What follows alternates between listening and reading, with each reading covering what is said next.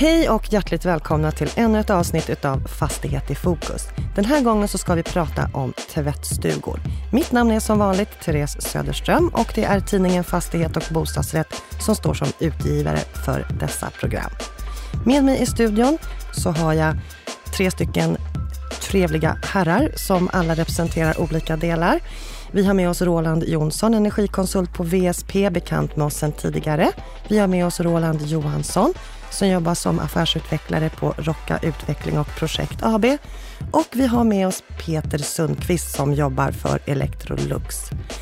Lite senare så kommer vi också att ringa upp Jenny Holmqvist som jobbar som miljöstrateg på MKB i Malmö. Med detta så hälsar jag alla hjärtligt välkomna och vi börjar på sedvanligt maner med att gå varvet runt för en presentation. Och vi börjar med dig Peter. Hejsan, tack så mycket. Peter Sundqvist heter jag, eh, jobbar på Electrolux Laundry Systems, eh, håller på med professionell tvättutrustning i gemensamma tvättstugor och jag är, eh, jobbar som försäljningsansvarig för eh, vår del i Sverige. Trevligt, välkommen. Och så har vi dig, Roland Johansson. Hej, jättetrevligt att vara här. Roland Johansson heter jag och eh, har pysslat med tvättstugor sedan 1973. Eh, mina sista verksamma år innan jag gick i pension, det var på HSB Inköp där jag jobbade 14 år som affärsutvecklare. Efter det så startade jag eget och kör nu och jobbar med utbildningar och säkerhetsbesiktningar av tvättstugor. Vad härligt. Och så avslutar vi prestationsrundan med Roland Jonsson. Ja, Roland Jonsson. Jag tänkte bara för att vi har ju två Roland i studion så att vi, idag går jag under benämningen Rolle för att vi ska kunna hålla isär oss. Men jag har jobbat med energi egentligen alltid och eh, någon gång på 90-talet så höll vi på att bli arbetskollegor Roland och jag men det vart vi först för ja, 7-8 år sedan när jag började jobba på HSB som energichef och eh, så att vi har väl en del gemensamma aktiviteter i tvättstugorna må jag säga. Härligt. Välkomna hit allesammans.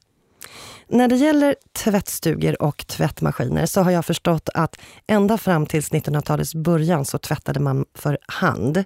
Vilket ju såklart var otroligt slitsamt för de här stackars kvinnorna som ofta hade många barn. Eh, I början på 1900-talet, 1901, så kom den första tvättmaskinen och den utvecklades och uppfanns utav en Alva Fischer. HSB har haft en framträdande roll vad gäller byggandet av moderna bostäder under 1900-talets första hälft och så också tvättstugan. Den första tvättstugan invigdes 1925 i bostadsrättsföreningen Humleboet som var HSBs. I de här tvättstugorna som byggdes under de kommande decennierna så fanns tvättmaskiner, och balj, tvättbaljor och sköljbassänger. Det var väl någon slags övergångsperiod där. Fortfarande 1950 så hade ungefär 8 procent av de svenska hushållen tillgång till en kollektiv tvättstuga medan 12 procent då hade en egen tvättmaskin. Så mycket som 70 procent av textilierna tvättades då fortfarande för hand. Tvättmaskinerna ökade nu relativt snabbt i antal och parallellt med det här så startade bland annat KF tvättomater i de svenska städerna. Några år senare hade 80 procent av hushållen i flerbostadshus tvättmöjligheter. Så ser väl utvecklingen ut. Den sista siffran jag har är från 2012 och då berättar den att 69 procent då använde sig av en gemensam tvättstuga. Och då är det en minskning från 2007 då samma siffra var 77 procent. Vi ska återkomma till det här lite grann.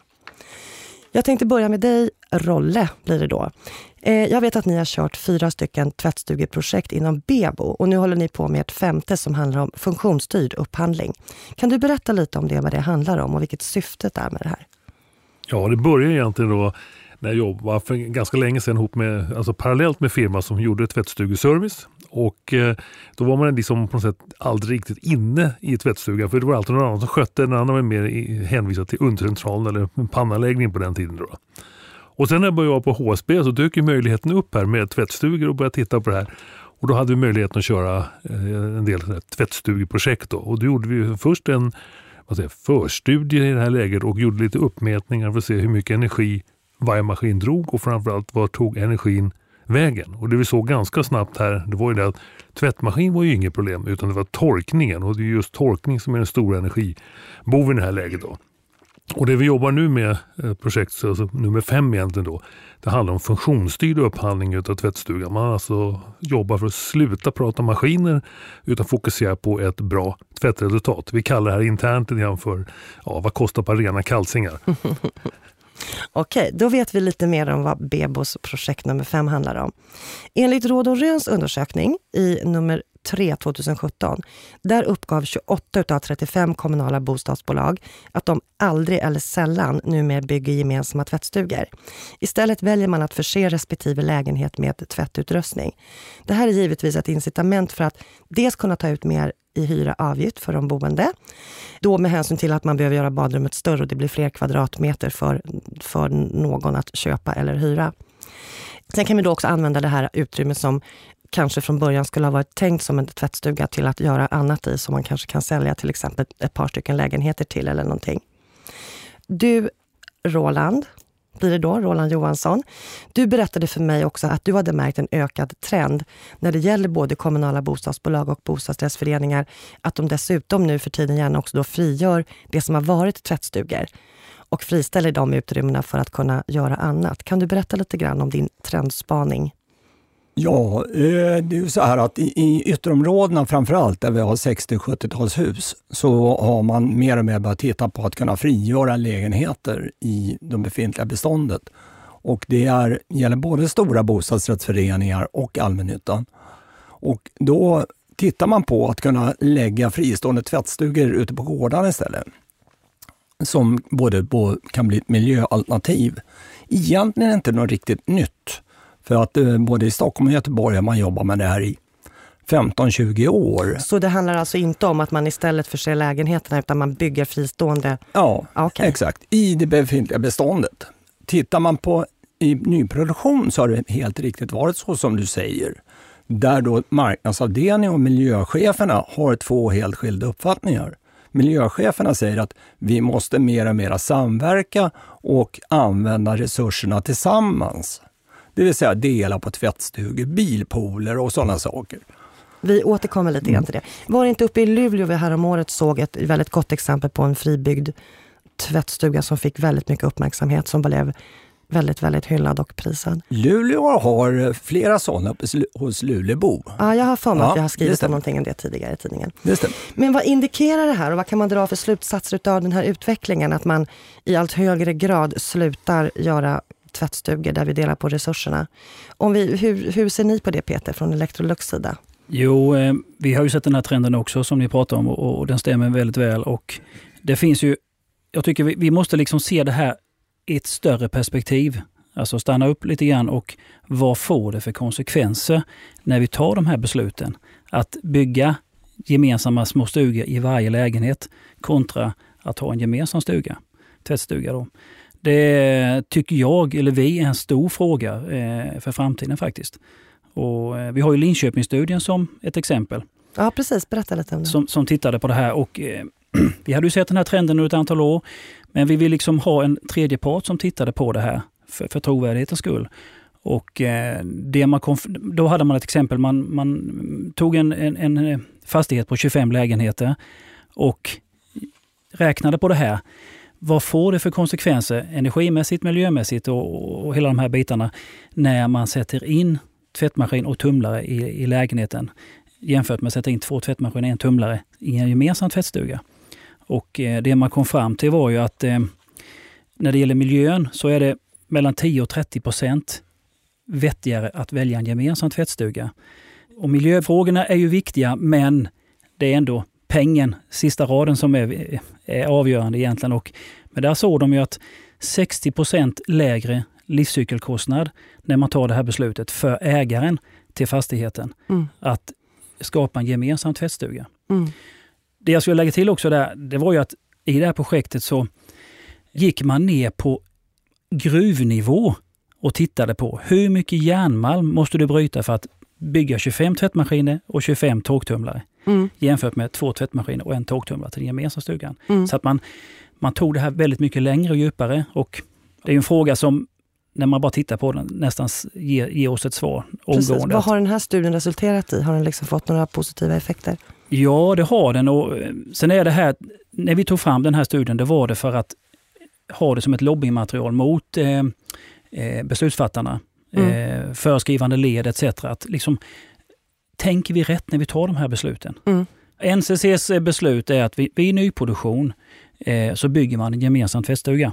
Man gör det nu? Ja, det gör man. Eh, i, ett, i, i, ett specifikt koncept. Mm. Och eh, det är positivt. Men vi måste upp på en högre nivå att lobba för det här och ta, ta diskussionen vad det, vad det får för konsekvenser. Vad tjänar ni mest på, på, på hos Electrolux? Att utrusta en fastighet med 25 lägenheter med tvätt och torkutrustning eller att, eller att göra alltså, en tvättstuga? Mycket bra fråga och eh, givetvis ska vi titta konkret på det så, mm. så ska man välja det andra alternativet. Ni tjänar mer på tvättstugan? Nej, det gör vi ju inte Nej, egentligen. Utan, på... utan, ja, men jag representerar den gemensamma tvättstugan. Precis, men det är det jag tänker. Det, det ökar trovärdigheten ytterligare. tänker jag. Ja. För det hade ju varit ett helt annan om det var så att ni tjänade tredubbelt på att göra ordning en tvättstuga, en gemensam tvättstuga, om än så liten. Men i det här fallet så är det ju inte på det sättet. Nej. Rolle, vad har du att klämma in i det här? Nej, men alltså det man kanske ofta missar lite grann när man talar om det här med egna tvättmaskiner i lägenheten, det är just det här med att du får också ett ökat slitage på avloppsledningarna. Du förkortar livslängden på stammarna och det är också lite grann då en fundering för förening, liksom, när man gör underhållsplanering och så vidare. Tar man med det här? Troligen inte. Och eh, det som är lite grann också där man tittar på tvättstugan. Visst är det skönt att ha en egen tvättmaskin, liksom, den är alltid ledig när man behöver den och ska man boka tid eh, så kan det alltid vara besvärligt. Men det är också frågan om hur många maskiner man har tillgängliga. Och där har, ju, ja, där har ju också MKB gjort en intressant grej. Att man har, du hyr, eller bokar inte hela tvättstugan utan du bokar en tvättpelare. Då kan man alltså, har man mycket tvätt så bokar man fler maskiner. Ska man bara köra en, en grej lite snabbt så kör man en pelare. Så att det, det förekommer en del intressanta möjligheter i det här läget. Då.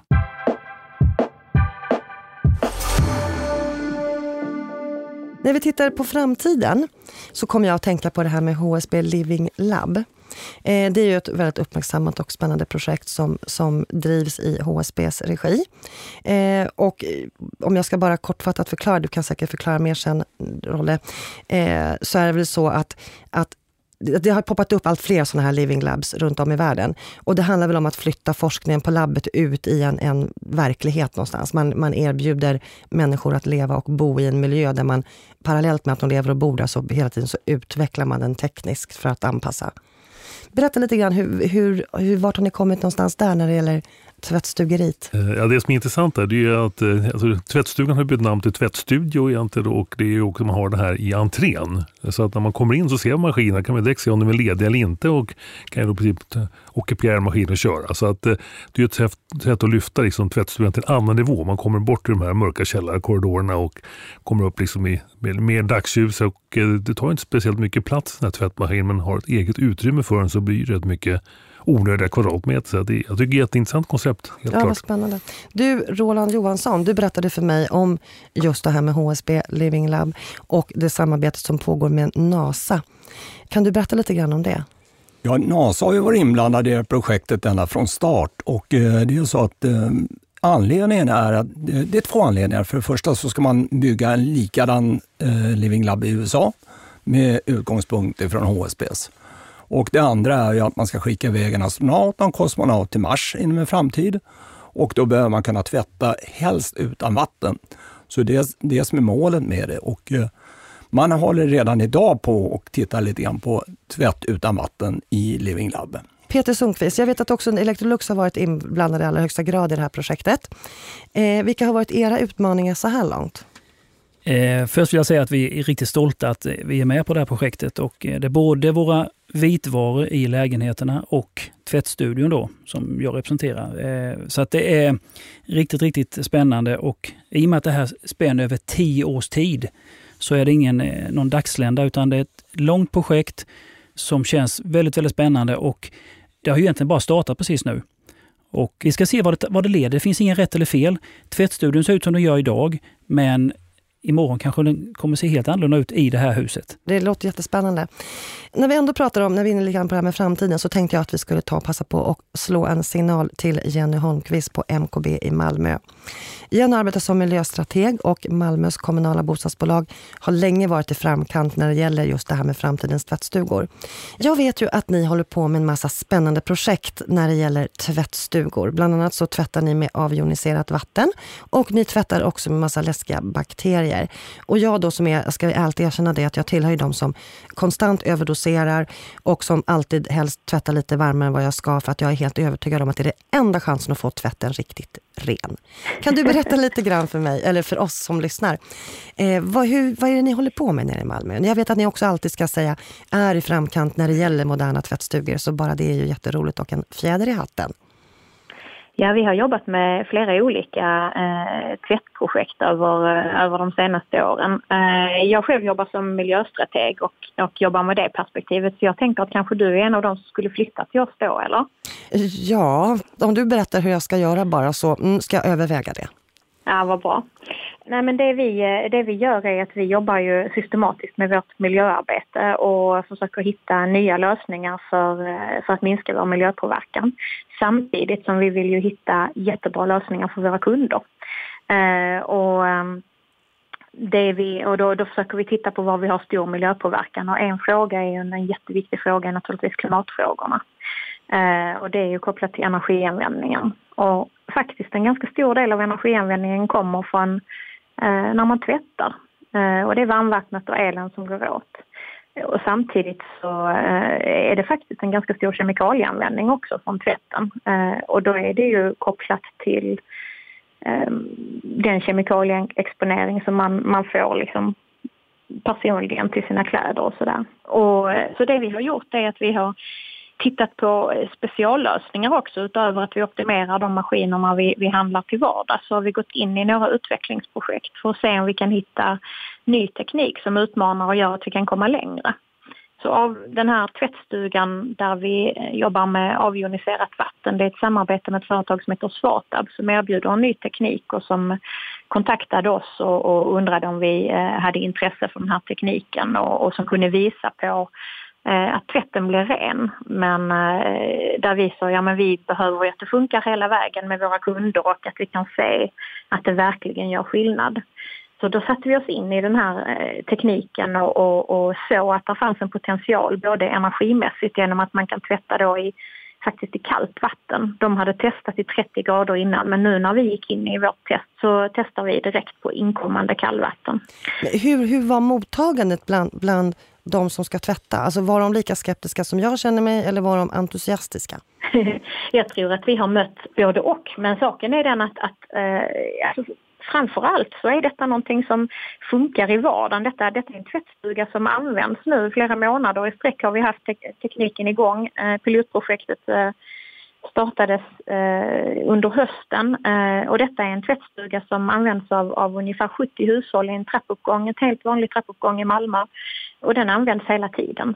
Så att eh, vi håller på att samla in eh, kundutvärderingar och vi får lite olika frågor till exempel. Är det verkligen rent när det inte doftar tvättmedel?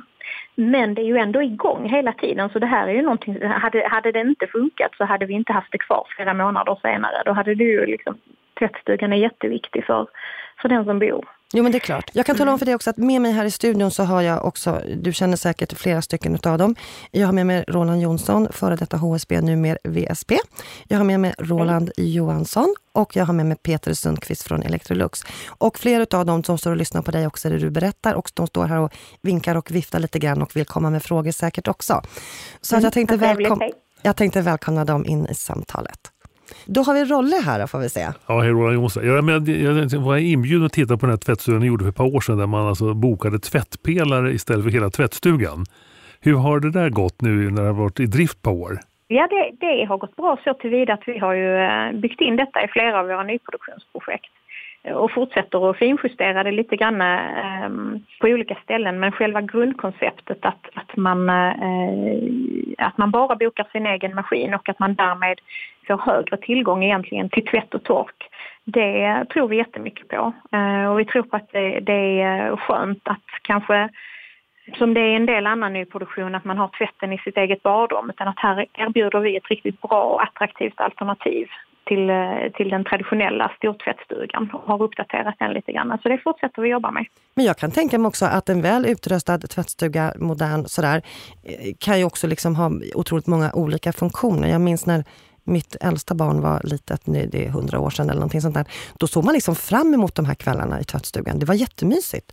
Och man, man, man passade på liksom ett gäng tjejer, som oftast då, eh, att boka in samma kväll. Och vi hade, ja, det var jättetrevligt. Det var och så var det så skönt att gå dit med massor med smutsig tvätt och så gick man hem några timmar senare med allt manglat och struket och klart. Det var mm. perfekt. Ja, och den kan ju funka som en mötesplats också. Men jag tror framförallt den där känslan av att man kan klara av sin tvätt på ett tillfälle och gå hem allting och att det ändå är ganska smidigt. Liksom. Ja, men det är supersmidigt. Jag vet att i Karlstad tror jag det är, så finns en jätteintressant tvättstuga vi kommer att skriva mer om. Eh, som har, det kanske är vanligt på fler ställen, jag vet inte, men där man har sköna fåtöljer och det finns tv och det finns kaffeapparat och det finns allt möjligt. Peter Sundqvist vill gärna komma in här från Electrolux. Ja, hej Jenny. Peter Sundqvist här. Hej, hej. hej. Du, eh, jag vill gå tillbaka till den första frågan där kring eh, ultrarent vatten. Nu ska jag inte säga att jag är någon expert på det här, men det jag har fått till mig eh, att det är ju ytterst aggressivt, ultrarent vatten, mot metaller. Och eh, det är lite intressant att se vad som kommer hända med, med själva maskinen egentligen, i frågan också. Ja, vi har ju haft med oss en, en, eh, en tvättmaskinstillverkare i det här pilotfallet. Så eh, vi ska ju, när vi har avslutat den här perioden så får vi utvärdera helheten. Men vi, det är ju någonting vi får titta på eh, efterhand. Är det något du har haft en specifik erfarenhet av eller? Nej, det, alltså det, det, det är den erfarenheten vi har och, och vet hur just den, den biten fungerar. Då. Och, eh, jag tycker det är jättebra initiativ som ni tar där nere i Malmö och, och försöker hitta lösningar, absolut. Det finns en del tester som eh, Sverea har gjort till exempel och eh, tillsammans med Electrolux eh, mm. när det gäller våra diskmaskiner. Och, eh, det man har kommit fram till är att den fettlösande förmågan är ju är begränsad. Ungefär i samma förmåga som ett vanligt, vanligt vatten egentligen. Så att det är spännande att följa det här projektet som ni har och eh, vi är ju givetvis intresserade från Electrolux också och se eh, vart, vart det här kan leda. Så är det ju. Mm. Men det, fin det, finns ju lite frågor som vi, man vill få svar på. Som är svåra ja. att få tag på i dagsläget. Och det är väl det som lite grann är utmaningen när någonting är nytt. Att, att eh, någonstans måste man välja att se potentialen och, och ändå hitta ett upplägg för ett test som gör att vi kan våga prova i lämplig skala och få fram de här utvärderingarna som gör att vi kan ta ställning till är det här någonting vi vill gå vidare med eller inte. För det är ju där vi står nu. att liksom Hela piloten syftar ju till att lära oss mer. För vi ställde oss också många frågor när vi gick in i detta och det, och, men såg samtidigt liksom att här fanns ändå eh, så pass många positiva liksom, ingångar i det. Att det var värt att hitta en, en testmiljö där vi, liksom, vi har försäkrat oss om att liksom, upplägget ska funka för kunderna och att det, det är framförallt det som är viktigt för oss när vi går in i ett test. Att det är någonting som, eh, som är säkert för våra kunder helt enkelt. Så där börjar vi ju titta eh, och sen se vilka, eh, vilka fördelar vi kan få ut av det och hur vi kan lägga upp testet så vi verkligen kan, kan eh,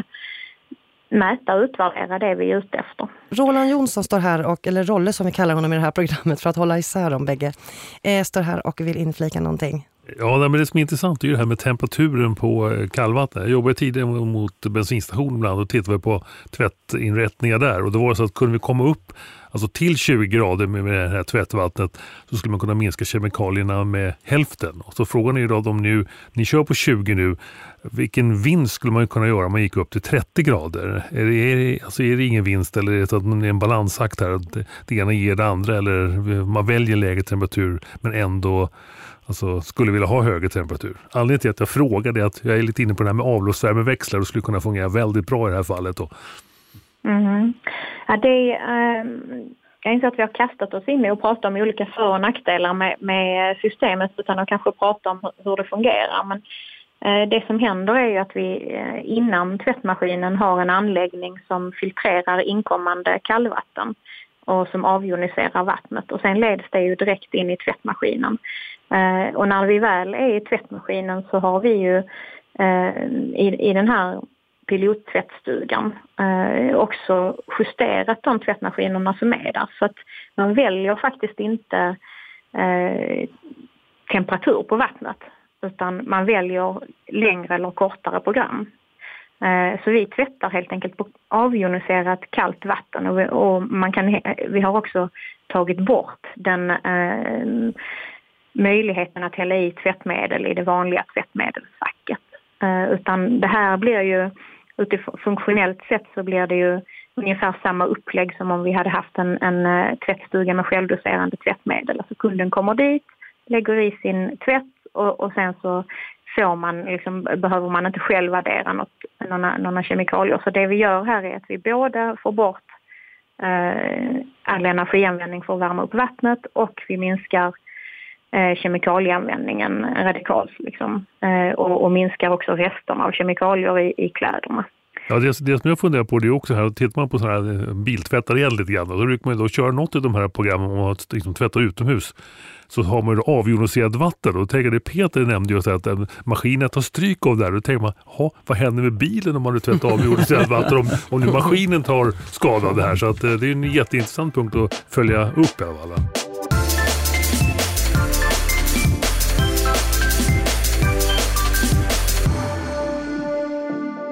Jag är också jättenyfiken på det här med tvätta med bakterier.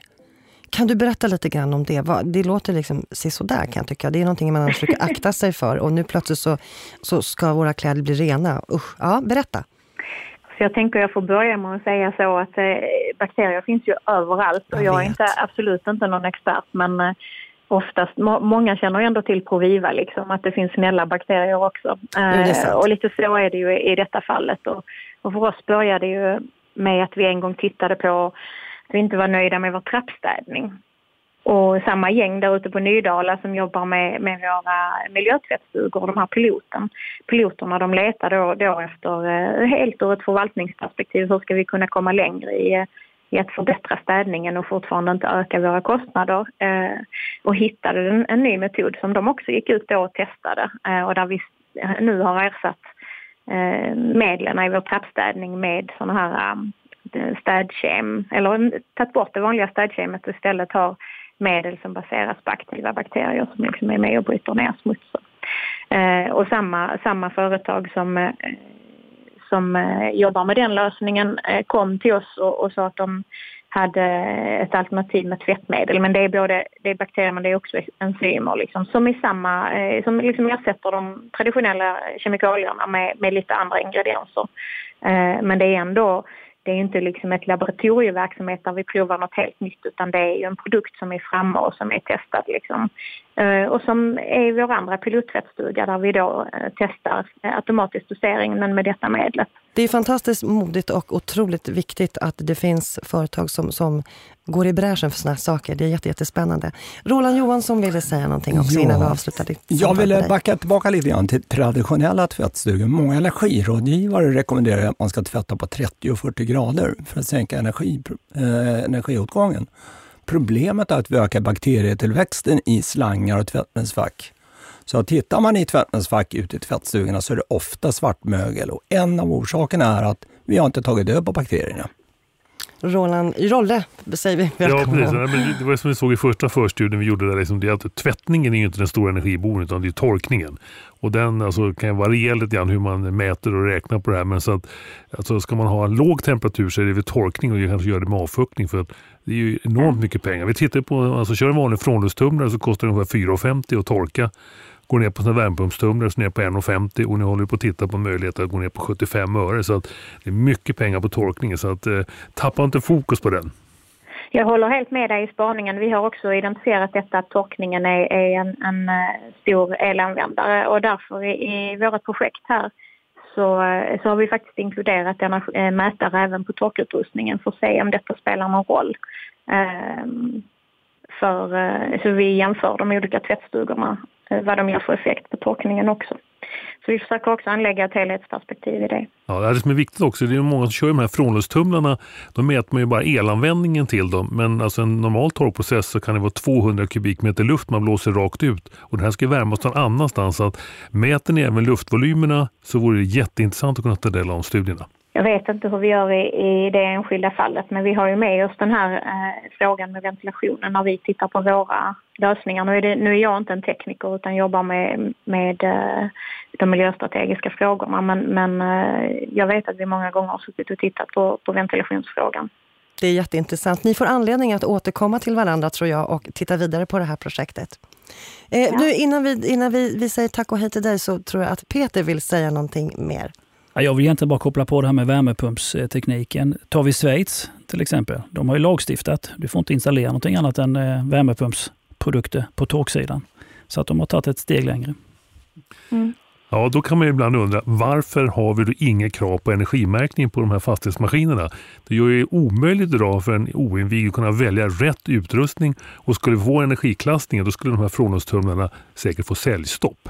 Det tänker jag att vi ska återkomma till den, till den frågeställningen i slutet på det här programmet. Ja, gärna eh, mer energimärkningar. Ja, en sista fråga bara till dig. Blir tvätten ren? Handen på hjärtat. ja, vi, eh, vi fick ju ta del av tester som visade redan innan vi startade pilot, vår egen pilotstudie här att tvätten faktiskt blir ren.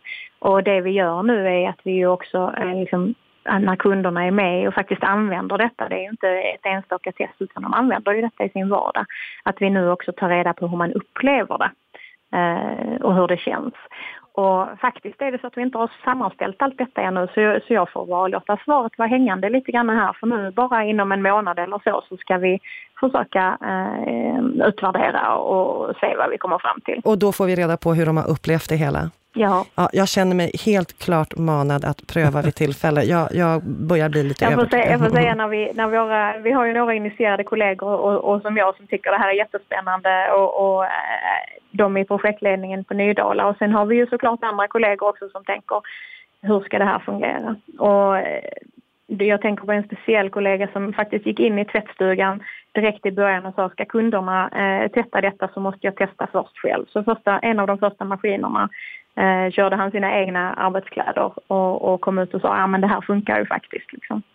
Så att vi tror ändå på att, att vi måste våga prova och också eh, ta reda på det här själv. Så jag, jag kan få avsluta med att bjuda in dig igen till att kanske flytta till MKB och testa själv.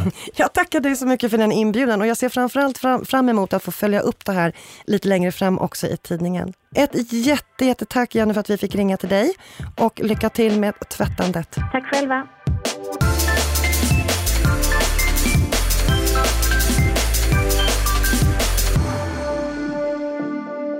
Ja, då fick vi höra lite grann vad de har för sig nere i Malmö. Och det är ju spännande. MKB har ju som sagt var tidigare också legat i framkant när det gäller att våga pröva lite nya lösningar när det gäller tvättstugor och sånt. Och det är väl väldigt värdefullt kan jag tänka mig för branschen som sådan att det finns sådana som vågar ta täten. Tvättmedelsdosering Rolle är någonting man ofta hör talas om. Eh, kan du berätta lite grann, alltså, ja, hur funkar detta rent praktiskt? Ja, rent praktiskt så är det ju ja, det är en ganska man säger, man säger, enkel teknik, ska man inte säga. men det är ju så att man tänker man blandar grogg, då tar man äh, ta lite till. Det är väl samma sak när man doserar tvättmaskinen. man skummar på lite extra där. Och det här är ju ett sätt att när man, innan man startar maskin då, så, så alltså man lagt, lagt in allting, så kör maskinen en kort sväng, gör alltså en balansering på hur mycket tvätt som är i den och också doserar den rätt mängd tvättmedel efter det här. Och tar också hänsyn till vilken vattenkvalitet man har. Allting. Så att, eh, vi satte in en där tvättmaskin hemma som doserar själv. Vi minskade säkert tvättmedelsanvändning med 75 procent så att det funkar garanterat. Är det sant? Ja. Oj jösses. Ja. Ja, många, många kilo tvättmedel bärs hem, det kan jag lova. Eh, men jag tänker på, men då betyder det alltså att fastighetsägaren eller hyresvärden, är det de som då bjussar på själva tvättmedlet i de här fallen? Ja, det brukar vara. Så att det, liksom, det är också sätt att man skonar ju avloppsrören och sånt där med det här och det, maskinerna går ju bra med det här och eh, just överdosering gör man det ser man kanske hela biten. Hur gör man med sköljmedlet då? Ja, sköljmedlet kan du välja om du ska ha i eller inte. Det styr du själv. Då ser man det själv? Nej, det går på automatik också. Och då är det bergsätt sådana som inte luktar liljekonvalj? Ja, det, ja, det kan alla kommer i alla fall i huset kommer lukta lika. ja, det är sant. Det är sant.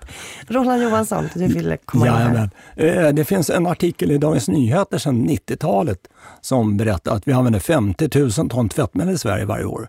Mm. 12 500 ton överdosering. Mm. Det säger lite grann om vad som går ut i våra sjöar och vattendrag. Ja, ja, precis. Jag skäms som sagt var.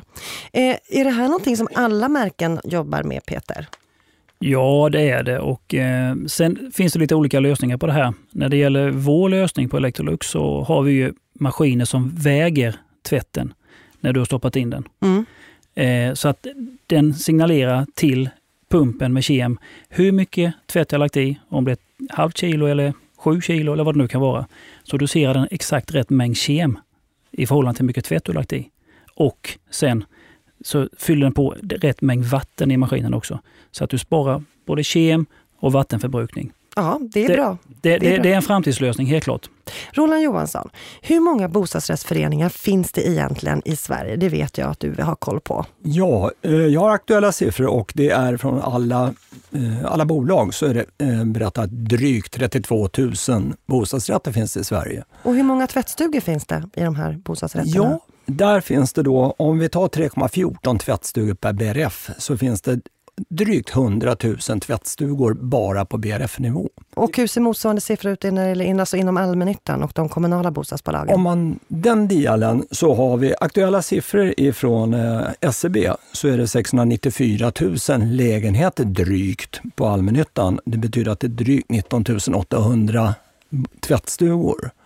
Eh, när det gäller de privata aktörerna som Akelius och HSB och de här så vet vi inte riktigt. Det finns ingen riktig siffra på hur mycket de har i lägenheter. Men ungefär 125 000 lägenheter, eller tvättstugor finns det i Sverige. Jag tänker, hur är förhållandet mellan de, de BRF-ernas tvättstugor kontra de kommunala bostadsbolagen? Är fördelningen ungefär densamma? I, I antal menar du? Ja, men jag menar alltså i förhållande till antal lägenheter och så. Nej, det finns fler tvättstugor i BRF än vad det gör i allmännyttan. Jaha, mm. där ser man. Eh, du har pratat också och berättat lite grann om det här med säkerhet och sånt där. Vi, vi pratade lite grann om brand och såna här saker. Och om, framförallt om underhåll, rättare sagt. Vad ska jag som fastighetsägare tänka på om jag vill underhålla? Och då menar jag inte på julfesten, utan då tänker jag på tvättstugan. Då är det, det första är ju det är lagen om skydd mot olyckor som gäller och fastighetsägaransvaret. Och lagen om skydd mot olyckor säger att alla lokaler som är vistas med den tillfälligt så ska det finnas två av varandra oberoende utrymningsvägar. Och antingen kan man inte ha det så ska man ha två sammankopplingsbara brandvarnare så att man får larm om att det har hänt någonting. När det gäller underhållet så är det så att alla torktumlare skall eh, dammsugas invändigt en gång per år. Det brinner 20 tvättstugor om året i Sverige i snitt 18 av dem är förorsakade av bristande underhåll. Och det säger lite grann om det här med utrymningsvägar, att det är viktigt. Och här är jag som är fastighet, som fastighetsägare som har ja. det ansvaret såklart att ja. se till det. Peter? Ja, eh, det är helt riktigt som Roland säger. Men jag skulle vilja lyfta fram en annan dimension i det här. Det är ju det här med bekvämligheten. Mm. Eh, det är ofta det argumentet när man bygger en, en, ny bostad idag, att, eller en BRF, är att vi måste ju ha en tvättmaskin i lägenheten. Får, får, får, jag frågan, vill du tvätta din egen tvätt i lägenheten? Då säger jag självklart ja. Mm. Men om jag får frågan, vill du torka din tvätt i vardagsrummet? Jag vet inte hur många som svarar ja på det. Nej. Men man tumlar ju inte allting. Nej. Utan, eh, och då, då blir effekten att du måste hänga någonstans för att det ska torka. Och var tar den här fukten vägen? Efter ett antal år. Alltså den försvinner ju inte intet utan den sugs upp i material som kan suga upp fukt. Jag tycker vi bollar frågan direkt över bordet till Rolle som säkert har något ja. klokt att svara på det här. Ja, men ofta är det så att badrummen och, eller ventilationen den är dimensionerad för en boende och inte kanske för att vara tvättstuga. Och ibland kan det vara som att man sätter dit maskiner som ja, egentligen bara blåser runt luften och man fuktar upp eller så har man då någon form av värmeväxlare som blåser ut värmen i eh, våtutrymmet. Då. Och då kan det också bli så pass varmt och torkningen inte riktigt funkar och då får maskinen gå ännu längre så att eh, man bör verkligen tänka till i det här läget när man ställer in det vitvaror. Det är lätt att köpa och sen trycka in och köra men jag man, just det här med ventilationsbiten är jätteviktig. Det märker jag som bor i en lägenhet själv som är från 40-talet där, där badrummets ventilation är väl mer anpassat då för att man badade en gång i veckan och kanske inte då att man duschar flera gånger om dagen ibland och dessutom har en tvättmaskin med inbyggd tumlare som står och dunkar runt. Så att, ja, det kan bli problem. Peter? Jo, koppla på lite mer eh, Roland här, eller Rolle förlåt. Eh, när vi tittar på det här med, med eh, tvätten i lägenheten, att vi, vi, är ju vi är duktiga på det här med att vi sorterar, källsorterar, vi åker till byggnadstippen och med våra kartonger etc. Och det är mm. fantastiskt bra. Men det finns ju siffror som säger att så som vi lever i Sverige, om hela planeten skulle leva som vi gör i Sverige, då tror jag vi behöver drygt fyra jordklot för att vi ska klara detta. Och det, så, så illa är det. Så bra, eller, eller rättare sagt, så bra har vi det i Sverige. Och det är det jag menar lite grann med bekvämlighet, att det håller inte. Vi, vi måste ta lite större eh, steg, eller väldigt mycket större steg. Och eh, dela på mer saker. Vi har ett annat problem eh, när det gäller lägenheterna idag. Eh, det är ju vad den kostar. Och mm. Både bygga, producera och sen hyra eller köpa. Mm. Och där har vi ett starkt argument för att dela på mer saker i framtiden. Och mm. tvättstugan är ju en sån sak till exempel. Ja, verkligen. För att kunna hålla nere byggkostnaderna per kvadratmeter. Nej, men jag tror inte att folk fattar och jag kan också tänka då som har, som har barn själv nu som är, de är i 30-årsåldern och, och återigen, jag, jag älskar verkligen tvättstugan. Jag tycker det är fantastiskt. Jag kan, när jag är ute ut och går, då kan jag stanna till så på husgaven på något hus om det är någon tvättstuga innanför och bara, mm, jag tycker det är jättemysigt. Ja, Peter? Och det här med tvättstugan. Ta en familj på fyra personer, två vuxna och två barn, som ska ha sin veckotvätt tvättad. Mm. Den är klar på tre timmar i en gemensam tvättstuga. Ja, det är fantastiskt. Mm. Där en tvättmaskin tar 40-45 minuter mm. mot en hushållsmaskin som tar 2-2,5 timme. Ja, ja, visst. Så att det är effektivt och tidssparande framförallt. Ja men verkligen. Sen måste man inte stå och glo på tvätten under tiden den blir klar. Man kan ju faktiskt göra annat under tiden också. Men, men det måste du göra om du tvättar i lägenheten? Ja, exakt. I vardagsrummet? Ja, eller? exakt så. Exakt så. Rolle? Ja, när man tittar på de här fastighetsmaskinerna så är de kopplade både kallt och varmt vatten. I alla fall de bästa av dem. Och det gör ju det också att man kan välja antingen värma upp vattnet med el eller med fjärrvärmevärmt vatten eller om man har värmepump. Och det här är någonting man missar när man kör i lägenheten så att man använder ju mer el om man har en maskin i sin egen tvätt, alltså badrum. Nu viftas det vilt. Roland? Yes. Eh, koppla en det Rolle pratar om. Och eh, det är så här att har man en ma maskin som är ansluten till både kallt och varmt vatten så ska man också se till att man har lägre elementeffekt så att man kan säkra ner. Och med tanke på hur elnätsleverantörerna tittar på effektabonnemangstaxor inom en kort framtid så är det viktigt att man håller effekterna nere på anslutningarna. Mm. Peter? Jo, koppla på både Rolle och Rolands diskussion här. Att vad vi måste titta på det är, tar vi fastigheten, vad är det totala energiuttaget i fastigheten? Inte vem som betalar elräkningen, utan vad är det totala energiuttaget? Mm. Och hur kan vi minska det? Mm. Annars så biter vi oss bara själva i svansen, tyvärr. Mm.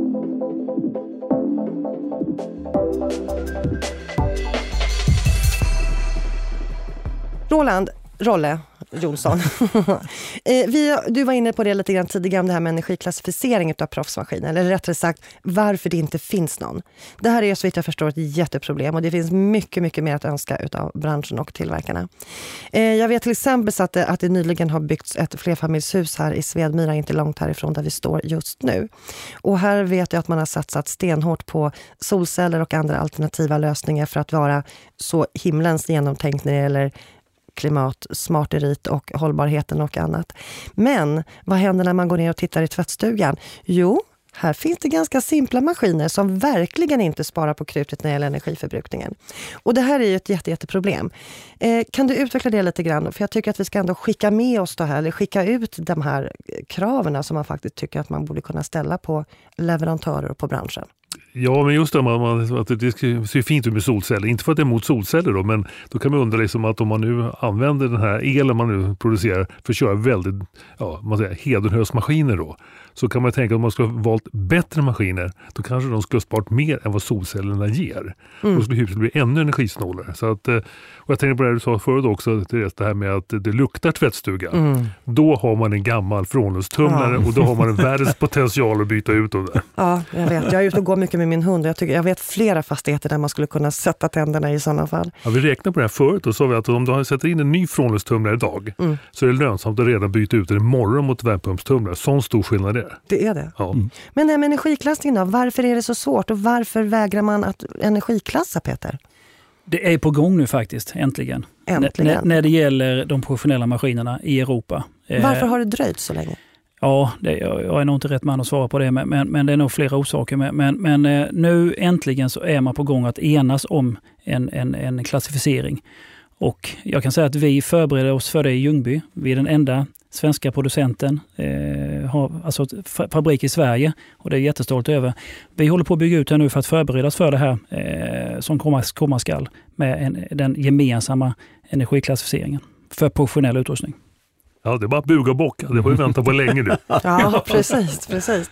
Ja, vi, vi applåderar det faktiskt. Och med detta så tänker jag att vi ska avrunda det här programmet. Eh, vi kan väl konstatera någonstans att det är faktiskt ett rent, ett rent nöje att använda sig av våra tvättstugor och det borde vi göra mycket, mycket, mycket mer. Det finns ingen anledning faktiskt att ha tvättmaskinen kvar i badrummet hemma. Eh, vi går varvet runt tänker jag och så tänker jag att vi ska bara säga ett par, tre klämmiga, genomtänkta ord när det gäller just det här med tvättstugor. Direkt riktat till våra lyssnare som till stor del utgörs av fastighetsägare och fastighetsbolag, både kommunala och inom den privata sfären. Vi börjar med dig Roland, Rolle. Ja, det man kan tänka, då har vi alltså utvecklat självkörande bilar och då undrar man så här, finns det inga självkörande tvättmaskiner? Man ska stå där och välja program och 40 grader, hög nivå, låg nivå, långt och kort och tänker man så här, ja varje klädesplagg idag har ju en liten så här tvättetikett. Skulle man helt enkelt bara kunna scanna av den när man slänger in det så ställer maskinen in sig själv. Man trycker bara på start. Vad mycket enklare skulle det bli. Alltså Verkligen. Det, varför har man inte automatik mer? Och inte nog med det, det står ju så småttigt och pyttigt på de där lapparna och det dyker upp nya symboler som ingen människa begriper sig på. Nej. Och tänk om man lägger in ett par rosa eh, underkläder ihop med en vit skjorta. Liksom. Då skulle en maskin säga så här, hej och hå, nu har du blandat här som inte funkar, gör om. gör om, gör rätt. Ja, ja, men då har man ju också sparat en del klädesplagg och sånt där. Så att, eh, jag tycker liksom det där har haft uppe på några möten tidigare, men det har inte hänt någonting. Man kan väl säga lite grann att tvättma, hela, hela, hela branschen tycks nästan liksom släpa efter lite grann, eller? Ja, det kan man tycka. Alltså för att man köpa nya maskiner som var konstruerade för 20 år sedan så undrar man liksom hur långt har vi kommit framåt. Ja. Liten designgrej kan det vara, eller kanske lite annan elektronik, men det finns en del att göra fortfarande. Spännande. Roland Johansson? Ja, jag håller med Larry Tups på NASA. Vi måste ha maskiner som tvättar utan vatten och det betyder att då behöver vi inga torktumlare och inga torkskåp. Eh, det finns redan konceptmaskiner. LG har en konceptmaskin och Electrolux har tre olika, men fortfarande är det bara konceptmaskiner. Intressant. Då får vi se om det blir nästa, nästa grej. Yes. Peter? Ja, eh, jag går till nuet, det vi kan göra idag. Och det är att göra ett teknikbyte. Att gå ifrån den gamla frånluftstekniken på torkprodukterna och satsa på värmepumpstekniken. Då kan vi göra en besparing på 60-65 dag ett. Kan du hålla med Rolle om att ni är lite sådär det har varit lite, lite, lite tröttigt i tvätt, tvättmaskinsbranschen. Ni borde ha hunnit längre. Jag kan väl hålla med, absolut. Och, och, men sen måste jag ändå säga att jag, vi är i bräschen, Electrolux, när det gäller innovationer. Vi har stått för alla dem genom alla tider. Men det försvarar inte liksom vad vi kan göra framåt. Men vi, vi håller på att utveckla och vi, vi får se vad, vad morgondagen har eh, och, och visa så att säga. Precis. Men så vitt jag förstår efter att ha pratat med många av dina branschkollegor också så är det många som ligger precis i pipelinen med nya innovativa lösningar och som ändå känner också att de liksom är i framkant med. Så det, det känns ju bra att ni kommer på bredd tycker jag. Absolut. Roland? Det har funnits en tröghet i det här och mycket beror på att dåliga erfarenheter av gamla värmepumpstekniker som har fungerat mycket, mycket dåligt. Men de senaste åren, senaste fem sex åren, så har den nya tekniken kommit hos alla leverantörer. Då ger vi Rolle slutordet. Ja, nej, men ofta är det så att man kanske har en tvättstuga och så har man lite varierande maskinpark, lite olika årsmodeller på det här, olika typer. Så går en maskin sönder och så blir det så här, nu måste vi göra någonting åt den här för den var inte lönt att reparera. Och så kommer ju också, vi ska ersätta den här maskinen med en annan. Och så säger någon så okej okay, den här maskinen den är helt identisk med den ni har. Så sätter man in en likadan. Istället för liksom att liksom fundera på det här, hur kommer ni använda den här? Behöver ni verkligen ha den här maskinen? Ska vi sätta in en annan typ av maskin som går snålare? Så att jag tror man ska ha lite mer kunddialog än vad man kanske har haft. Och det här slutordet det studsar runt bordet. Nu står Peter här och vinkar. Jag skulle vilja flika in en sak som jag tycker att vår, vår bransch, vårt segment eh, kan bli bättre på. Det är det här med service och underhåll av produkterna. Ingen av oss kan bygga evighetsmaskiner utan de kräver något årligt besök, översyn för att kunna fungera under många, många år. Så att vi ska inte snåla in på det, utan eh, lägg några kronor på det per år så har vi en maskin väldigt, väldigt länge. Och med de orden så avslutar vi det här programmet. Jag tackar er som har varit med mig i studion. Jag tackar alla er som har lyssnat och givit oss tid och uppmärksamhet för det. Läs mer om avsnittet i tidningen Fastighet och bostadsrätt där vi också kommer att lyfta fram ett antal olika referensprojekt som är som ett slags flaggprojekt från olika leverantörer och annat. Här intervjuar vi beställare och byggherrar naturligtvis i första hand och se vad vi kan hitta för olika varianter på tvättstugor. Vi kommer också att prata vidare med MKB naturligtvis och ta del av den här utvärderingen som Jenny pratade om och som intresserade oss alla. Med detta så vill jag också säga att om två veckor så kommer ett nytt program utav Fastighet i fokus. Håll öronen öppna tills dess och glöm nu inte bort att boka en tid i tvättstugan. Tack! Tack och hej!